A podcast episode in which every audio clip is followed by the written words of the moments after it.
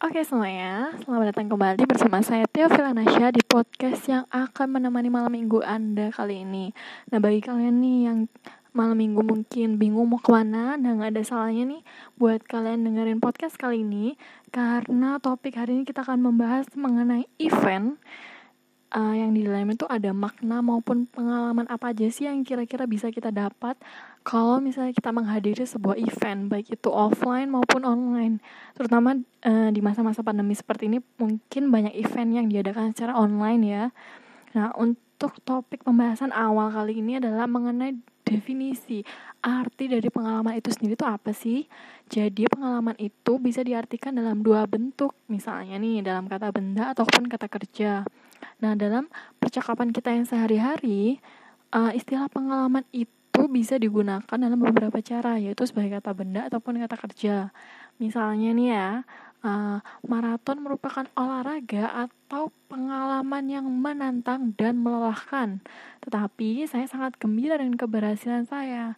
Nah, kata-kata pengalaman dalam kalimat ini itu artinya uh, bisa ber, uh, dalam tiga hal ya kan uh, pengalaman yang dalam arti fisikitas yang artinya melelahkan tadi itu mencerminkan uh, fisik ya olahraga secara fisik yang merupakan dimensi pengalaman perilaku. Kemudian yang kedua adalah adanya uh, perasaan atau keadaan emosional yang kalian dengar tadi, tetapi saya sangat gembira. Nah, di sini adalah adanya perasaan atau emosional.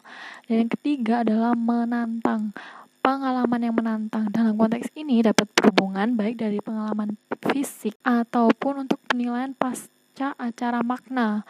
Jadi istilahnya adanya konteks atau makna di dalam kalimat ini. Seperti itu. Nah, kemudian eh, yang selanjutnya tuh adanya makna leisure atau leisure experience. Nah, di sini itu menggunakan konsep segera pengalaman sadar atau aliran kesadaran misalnya nih uh, untuk menjadi sebuah rekreasi pengalaman itu harus dis harus disertai dengan rasa kebebasan kompetensi atau kontrol. Kenapa harus ada kebebasan? Karena bisa dilihat dari kata-kata rekreasi itu artinya bebas ya kan? Kita mau berekreasi mau pergi ke mana seperti itu. Nah, misalnya contoh tentang pengalaman yang uh, secara langsung atau secara sadar itu misalnya anatomi pengalaman. Contohnya nih, apa yang terjadi pada Anda? Nah, itu kan uh, secara sadar atau langsung adanya durasi dan intensitas. Kemudian yang kedua adalah suasana hati atau emosi dan perasaan. Itu artinya ada evaluasi diri dari pengalaman yang kita dapat.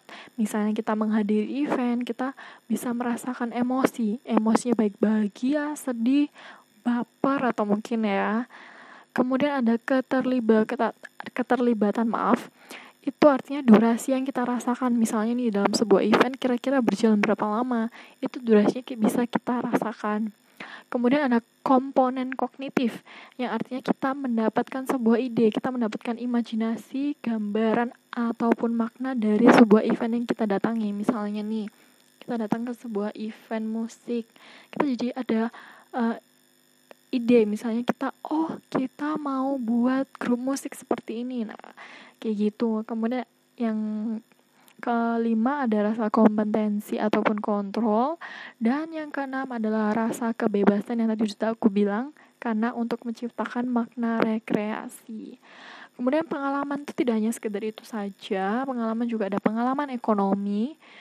E, pengalaman pengalaman ini itu merupakan salah satu tren yang paling mendalam di dunia peristiwa karena sektor perusahaan berusaha untuk merangkul keinginan masyarakat guna untuk tujuan pemasaran dan branding. Tentunya hal ini terjadi karena meningkatnya permintaan untuk pengalaman daripada produk. Jadi masyarakat tuh lebih me melakukan permintaan terhadap pengalaman apa sih yang bakal mereka dapat melalui event daripada produk dari event itu sendiri. Nah, ada seorang ahli yang menjelaskan bahwa tren dengan cara ini tuh misalnya ya, industri ini dapat dijelaskan oleh pola konsumsi teknologi baru dan kebutuhan untuk pertemuan. Dan untuk tentunya untuk senang-senang ya. Akibatnya ada ledakan literatur tentang pengalaman ekonomi. Jadi karena peningkatan permintaan masyarakat tentang pengalaman apa yang bakal mereka dapat dari event tersebut akhirnya terjadi ledakan ini dan ketika pelanggan menjadi bagian dari sebuah event pengalaman itu menjadi bersifat uh, lebih pribadi atau individual ya karena masing-masing orang bakal mendapat pengalaman pengalaman itu sendiri. Kemudian ada dua ahli yang ingin merancang pengalaman tersebut. Jadi ada Pin dan Gilmore yang merancang pengalaman pengalaman mengenai pengalaman ekonomi ini tentang gimana sih cara membuat pengalaman itu bisa kita dapat dari sebuah event. Jadi pekerjaan pertama adalah untuk membangun tema dari suatu pengalaman. Jadi tema itu tema dari sebuah event itu mengubah rasa waktu, tempat maupun kenyataan. Tema itu biasanya dibuat uh, mudah dan uh, maaf mudah diingat dan dibuat secara nyata. Karena apa? Supaya orang itu uh, bisa mendapatkan kesan oh event ini itu temanya begini begini begini mudah diingat seperti itu. Kemudian untuk pengalaman pariwisata jadi selain ekonomi juga ada pariwisata ya itu ada enam pendekatan untuk mempelajari apa sih pengalaman pariwisata. Jadi yang pertama itu dari psikologi kognitif yang berhubungan dengan teori rekreasi tadi ya. Jadi adanya ide, adanya persepsi dari masyarakat tentang uh, mengevaluasi suatu produk istilahnya mengevaluasi produk yang diciptakan oleh suatu event, baik produk fisik ataupun produk misalnya uh, mendapatkan tiket liburan atau produk ide-ide yang lain seperti itu.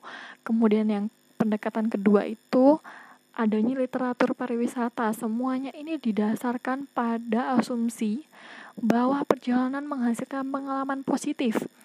Pengalaman positif seperti apa? Jadi pariwisata itu merupakan sarana untuk menghasilkan kebahagiaan dan kenangan indah.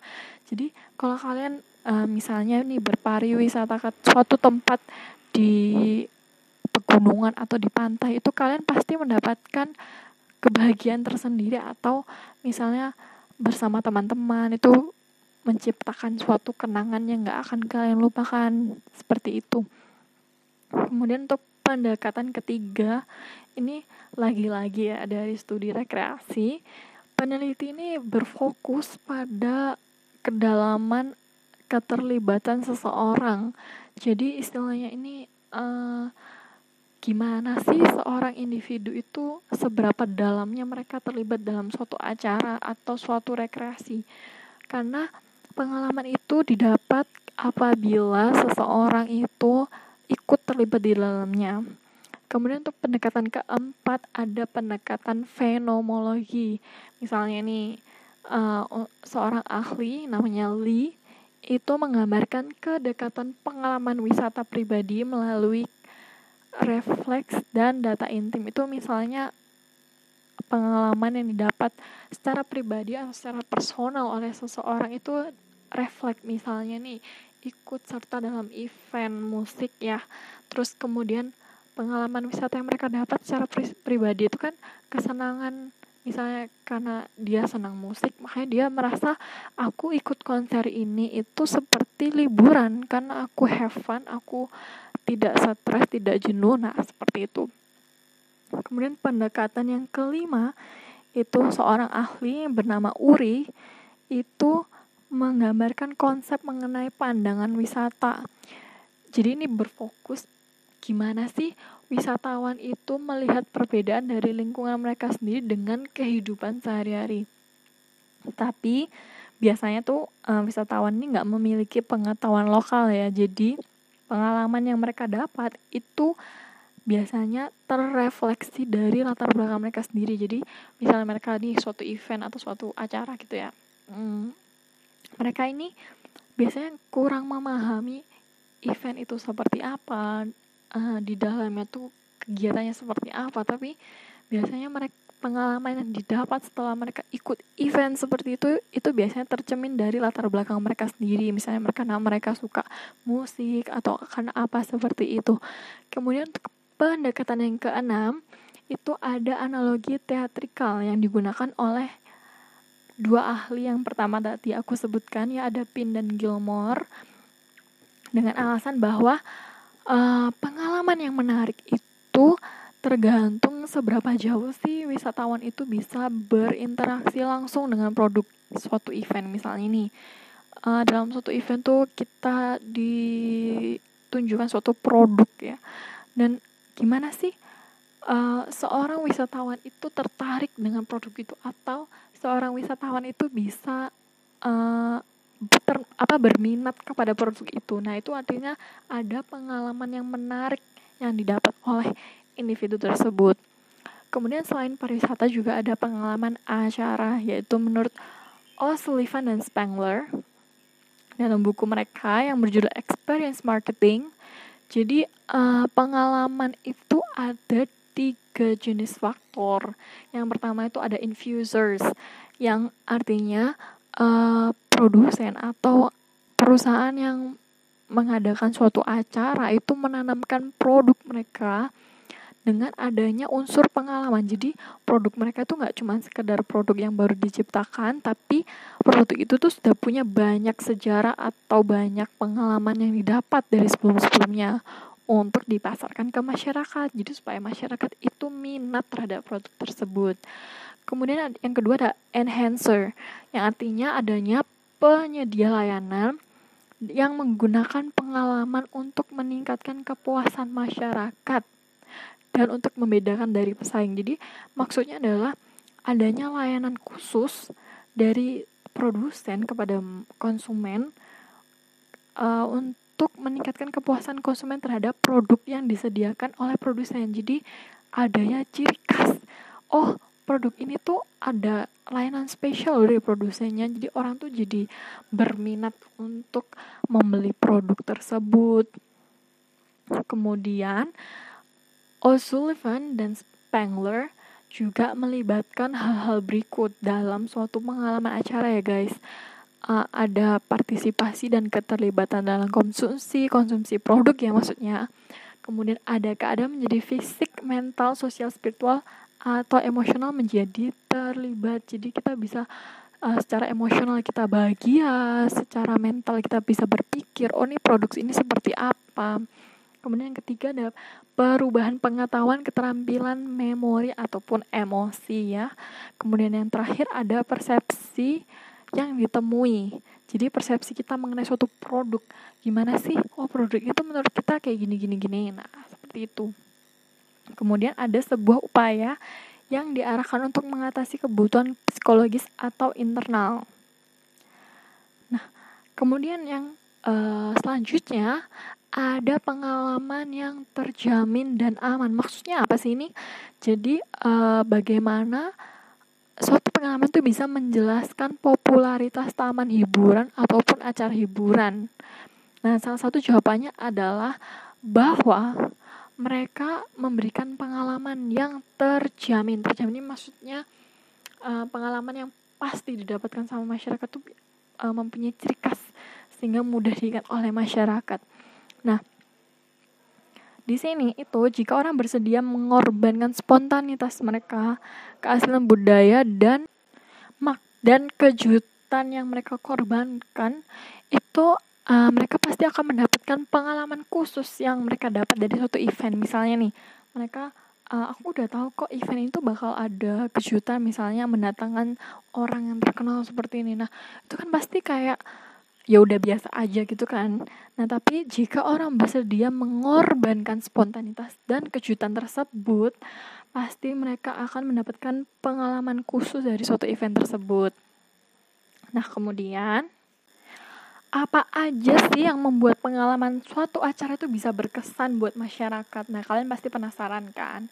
Kira-kira uh, apa sih yang membuat suatu acara tuh bisa berkesan sehingga kita tuh bisa mendapatkan pengalaman yang nggak dapat kita lupakan. Nah, yang pertama itu ada pengalaman dasar. Di sini tuh artinya uh, pengalaman dasar yang kita dapat itu seperti reaksi emosional terhadap suatu rangsangan.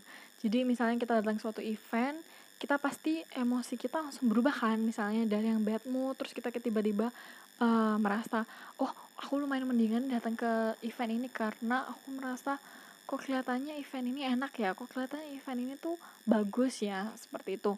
Kemudian yang kedua tuh pengalaman yang tidak terlupakan yang artinya setelah kita datang ke suatu event kita uh, merasakan emosional ya kan merasakan suatu kebahagiaan tersendiri nah kita seneng banget nih akhirnya kita besok besoknya nih ya kita bakal cerita ke teman-teman kita ke orang tua kita bahwa event kemarin ternyata enak loh asik loh uh, seru banget gak terlupakan uh, eventnya juga rame seperti itu Kemudian di sini kita juga bakal membahas spesifik event experience. Artinya acara-acara yang spesifik, pengalaman-pengalaman secara spesifik yang kita dapat dari uh, beberapa event ya. Misalnya nih, aku kasih contoh ya, misalnya perayaan budaya itu pengalaman apa sih yang kita dapat? Nah, kalau mengenai event tentang hal-hal yang berbau budaya itu biasanya kita lebih ke arah emosional dan kognitif yang artinya di sini adalah kita bisa merasakan emosi uh, bahagia bisa, sedih bisa karena mengingat masa lalu atau secara kognitif artinya kita mendapatkan pengetahuan, kita jadi memahami dan mempelajari sesuatu. Nah, pengalaman budaya ini biasanya itu uh, berwujud seperti situs bersejarah, pertunjukan budaya, makanan, kuliner, atau pertemuan dengan orang-orang penting. Nah, atau simbolisme seni dan arsitektur seperti itu. Budaya itu berhubungan seperti hal-hal seperti itu. Jadi kita bisa memahami dan mempelajari uh, banyak hal dari budaya ini kan. Kemudian yang kedua ada festival dan karnaval ini tuh lebih ke arah hiburan kalau kita lihat ya. Pengalaman yang menggembirakan. Kita kita bisa merasakan emosi kita tuh meningkat yang awalnya kita sedih, awalnya kita punya banyak masalah, tapi setelah kita uh, memutuskan untuk datang ke suatu acara, kita bakal merasakan aku happy kok di acara ini aku bisa ngerasain uh, vibes vibes gitu ya. Kalau bahasa gaulnya itu kan vibes vibes gitu ya. Uh, uh, istilahnya itu kita bisa merasakan betapa emosi kita itu meningkat menjadi bahagia gitu. Hati dan emosi kita tuh menjadi sesuai. Nah seperti itu Kemudian yang ketiga itu ada pengalaman keagamaan dan spiritual. Jadi keagamaan dan spiritual ini nggak seperti yang kalian pikirkan pada umumnya ya, nggak selalu pengalaman yang sakral atau suci, cuman uh, ada perbedaan yang signifikan antara kedua hal ini, spiritual dan keagamaan. Jadi spiritual itu lebih mengacu kepada kepercayaan pribadi, misalnya mengadakan adat istiadat seperti ini, dan juga pencarian makna dalam kehidupan seseorang dan turis mana pun bisa mendapatkan pengalaman spiritual baik di tempat suci atau bersama peziarah yang religius. Oke, okay, next. Untuk uh, yang keempat itu ada syarah. Syarah ini itu kan ya kalian pasti banyak yang udah tahu ya. Syarah itu perjalanan dan pencarian ke tempat-tempat suci. Nah, bagi sebagian besar orang, siara ini adalah sebuah kewajiban ya, misalnya orang uh, yang beragama muslim itu bersiarah ke makam misalnya orang tua atau anak atau saudara untuk mengingat mereka. Nah, seperti itu. Jadi, siara itu dapat dikonseptualisasikan sebagai acara khusus dalam kehidupan seseorang dan pengalaman yang mengubah kehidupan seseorang. Tapi biasanya memang sih kebanyakan orang itu menganggap siara itu sesuatu yang religius. Tapi sebenarnya tidak sereligius itu. Jadi misalnya nih ya, umat Islam itu uh, hanya melakukan siara untuk mengatur urusan duniawi mereka dan bisa menjadi siap secara spiritual. Jadi nggak ada uh, aktivitas yang lebih dari itu atau religius, sakral dan lain tidak seperti itu. Kemudian kemudian pengalaman yang didapat dalam sebuah event olahraga ya uh, kebanyakan akhir ini kan uh, khususnya kaum laki-laki itu menggemari olahraga sepak bola nah misalnya nih misalnya aja kan itu kenapa mereka uh, berusaha untuk datang ke suatu event olahraga itu karena mereka ingin men mencari ke mencari kesenangan, mencari hiburan dan emosional mereka. Jadi mereka tuh memang suka sama sepak bola dan karena itu mereka ingin datang dan pengalaman yang mereka dapat tuh bisa kognitif, bisa emosional juga. Kognitifnya itu seperti apa? Kognitifnya itu bisa seperti oh, aku bisa belajar trik-triknya sepak bola, aku bisa belajar strateginya sepak bola seperti itu. Atau kalian yang suka sepak bola nih bisa ngetahui oh namanya orang ini tuh ini ini ini pemain belakang itu namanya siapa pemain depan tuh siapa kipernya siapa seperti itu nah kemudian dalam suatu acara yang sudah direncanakan itu bisa ada makna. Nah, makna itu makna itu seperti apa aja sih? Makna itu bisa makna personal atau pribadi yang di mana uh, individu itu bisa mendapatkan sebuah makna dalam bentuk konstruksi pribadi. Yang artinya tuh gimana sih kita bisa memahami dunia di sekitaran kita. Nah, makna pribadi ini berhubungan langsung dengan kebutuhan pribadi masing-masing dari kita. Misalnya nih, motif untuk menghadiri suatu acara. Motif itu seperti kenapa sih kita kok mau datengin event itu? Oh, karena aku suka sama event itu, aku suka sama artisnya, aku suka sama acaranya.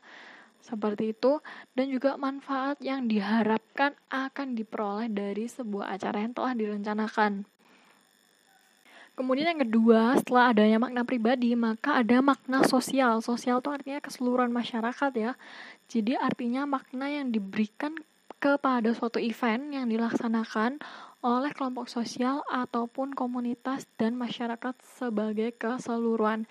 Jadi bagi sebagian besar orang suci, misalnya nih, perayaan hari Natal itu biasanya untuk merayakan uh, untuk agama Kristen ya, untuk liburan. Jadi sehingga masyarakat secara keseluruhan itu mengakui bahwa perayaan hari Natal ini bisa menguntungkan untuk umat lain juga, untuk liburan, untuk untuk senang-senang, untuk keuntungan pribadi seperti itu. Tetapi tentunya ada beberapa perbedaan makna pada masing-masing mereka karena tentunya uh, setiap masyarakat itu tidak memiliki suku, ras dan agama yang sama, mereka semua pasti berbeda. Kemudian ada juga makna ekonomi. Jadi artinya suatu perusahaan atau suatu produsen dalam suatu acara itu mengadakan acara untuk memasarkan produknya. Misalnya nih untuk produk misalnya produk makanan atau produk yang lain itu mereka uh, memasarkan produk mereka itu untuk menarik minat masyarakat. Dan juga untuk uh, kesimpulannya di sini dari podcast kali ini ya guys, itu orang itu bisa dengan sukarela memasuki suatu event atau acara untuk mendapatkan suatu pengalaman yang berbeda dan bermanfaat tentunya untuk mereka. Dan mereka juga terlibat dengan program acara serta terlibat dengan orang lain, baik dalam hal perilaku maupun emosi dan proses kognitif atau pengetahuan. Semakin terlibat orang tersebut, maka semakin besar juga kemungkinannya untuk mendapatkan pengalaman yang lebih berkesan karena orang yang terlibat dalam suatu acara itu uh, kegiatan yang dilakukan tentunya banyak dan pengalaman yang didapat juga pasti banyak dan pasti berkesan untuk orang tersebut. Nah, orang-orang itu diubah oleh pengalaman mereka sendiri. Jadi ekspektasi itu diubah dari pengalaman yang mereka dapat. Misalnya nih, aku berekspektasi dari suatu acara itu uh, ingin mendapatkan hadiah atau aku ingin mendapatkan suatu produk. Tapi ekspektasi itu hanya diubah dari pengalaman. Walaupun mungkin mereka memang nggak dapat hadiah atau nggak dapat produk, tapi pengalaman yang mereka dapat adalah mereka bisa belajar banyak. Mereka bisa belajar uh, memahami misalnya bisnis atau memahami ide-ide lain seperti itu. Kemudian orang, kelompok, dan masyarakat serta perusahaan semuanya itu bisa memberikan makna pada suatu acara yang diselenggarakan yang dapat berupa konstruksi pribadi ataupun konstruksi sosial seperti yang tadi aku sudah jelasin ya teman-teman. Adanya uh, makna pribadi maupun makna sosial jadi pengalaman yang didapat pada masing-masing individu ataupun pengalaman yang didapat uh, secara masyarakat keseluruhan Nah, sama nih seperti produser acara atau desainer, itu nggak bisa menjamin bahwa pengalaman yang diinginkan itu bakal diperoleh oleh orang-orang yang menghadiri acara. Jadi, memang tidak semua bisa dapat pengalaman tersebut, tapi kebanyakan tuh bisa dapat. Nah, stakeholder suatu acara yang berbeda akan memiliki motif, pengalaman dan makna yang berbeda pula sehingga produsen atau perusahaan yang memproduksi suatu acara harus memahami gimana sih perbedaan konsumen, perbedaan masyarakat baik yang membayar tamu undangan biasa yang reguler atau yang VIP jadi mereka tuh harus memahami sifat mereka masing-masing itu seperti apa perilaku mereka seperti apa karena pasti tentunya berbeda semua yang ada yang sama. Nah intinya adalah semua acara yang diselenggarakan itu dapat memberikan manfaat umum seperti hiburan, interaksi sosial, pembelajaran, dan konstruksi sosial. Nah, intinya dari podcast kali ini adalah uh, event yang diselenggarakan itu bisa memunculkan atau memberikan pengalaman dan manfaat yang berbeda kepada masing-masing individu tergantung bagaimana seseorang atau masyarakat maupun konsumen memahami dan me, apa ya istilahnya ya memahami suatu event tersebut tergantung persepsi mereka, tergantung kognitif mereka. Seperti itu. Jadi bagi kalian nih yang misalnya lagi gabut atau apa, kalian tuh bisa loh uh, join pada suatu event baik online maupun offline. Tapi karena masa pandemi seperti ini tetap jaga protokol kesehatan ya guys. Karena bagaimanapun juga event sekarang ini sudah cukup jarang dilaksanakan secara offline karena nggak uh, boleh berkumpul terlalu ramai. Maka dari itu kalian bisa join pada event-event online yang sudah diadakan. Karena event itu sebenarnya bisa membuat pengalaman yang berkesan buat kalian. Walaupun off online, tetap pengalaman yang didapat tuh ada gitu loh. Dan makna yang didapat dari masing-masing kita tuh pasti ada tergantung bagaimana kita melihat suatu event tersebut. Jadi jangan sampai bosan, jangan sampai kalian eh, nggak uh, mau mendatangi event karena event itu sebenarnya sifat umumnya adalah menghibur dan uh, kita bisa berinteraksi dengan orang lain seperti yang kita mau sendiri, oke? Okay? Jadi terima kasih ya teman-teman udah mau dengerin podcast kali ini. Selamat menikmati malam minggu kalian bersama teman-teman, pacar maupun atau keluarga. Semoga kalian tetap sehat selalu dan tetap melakukan protokol kesehatan sesuai dengan prosedur pemerintah. Terima kasih ya teman-teman. Selamat siang dan sampai jumpa.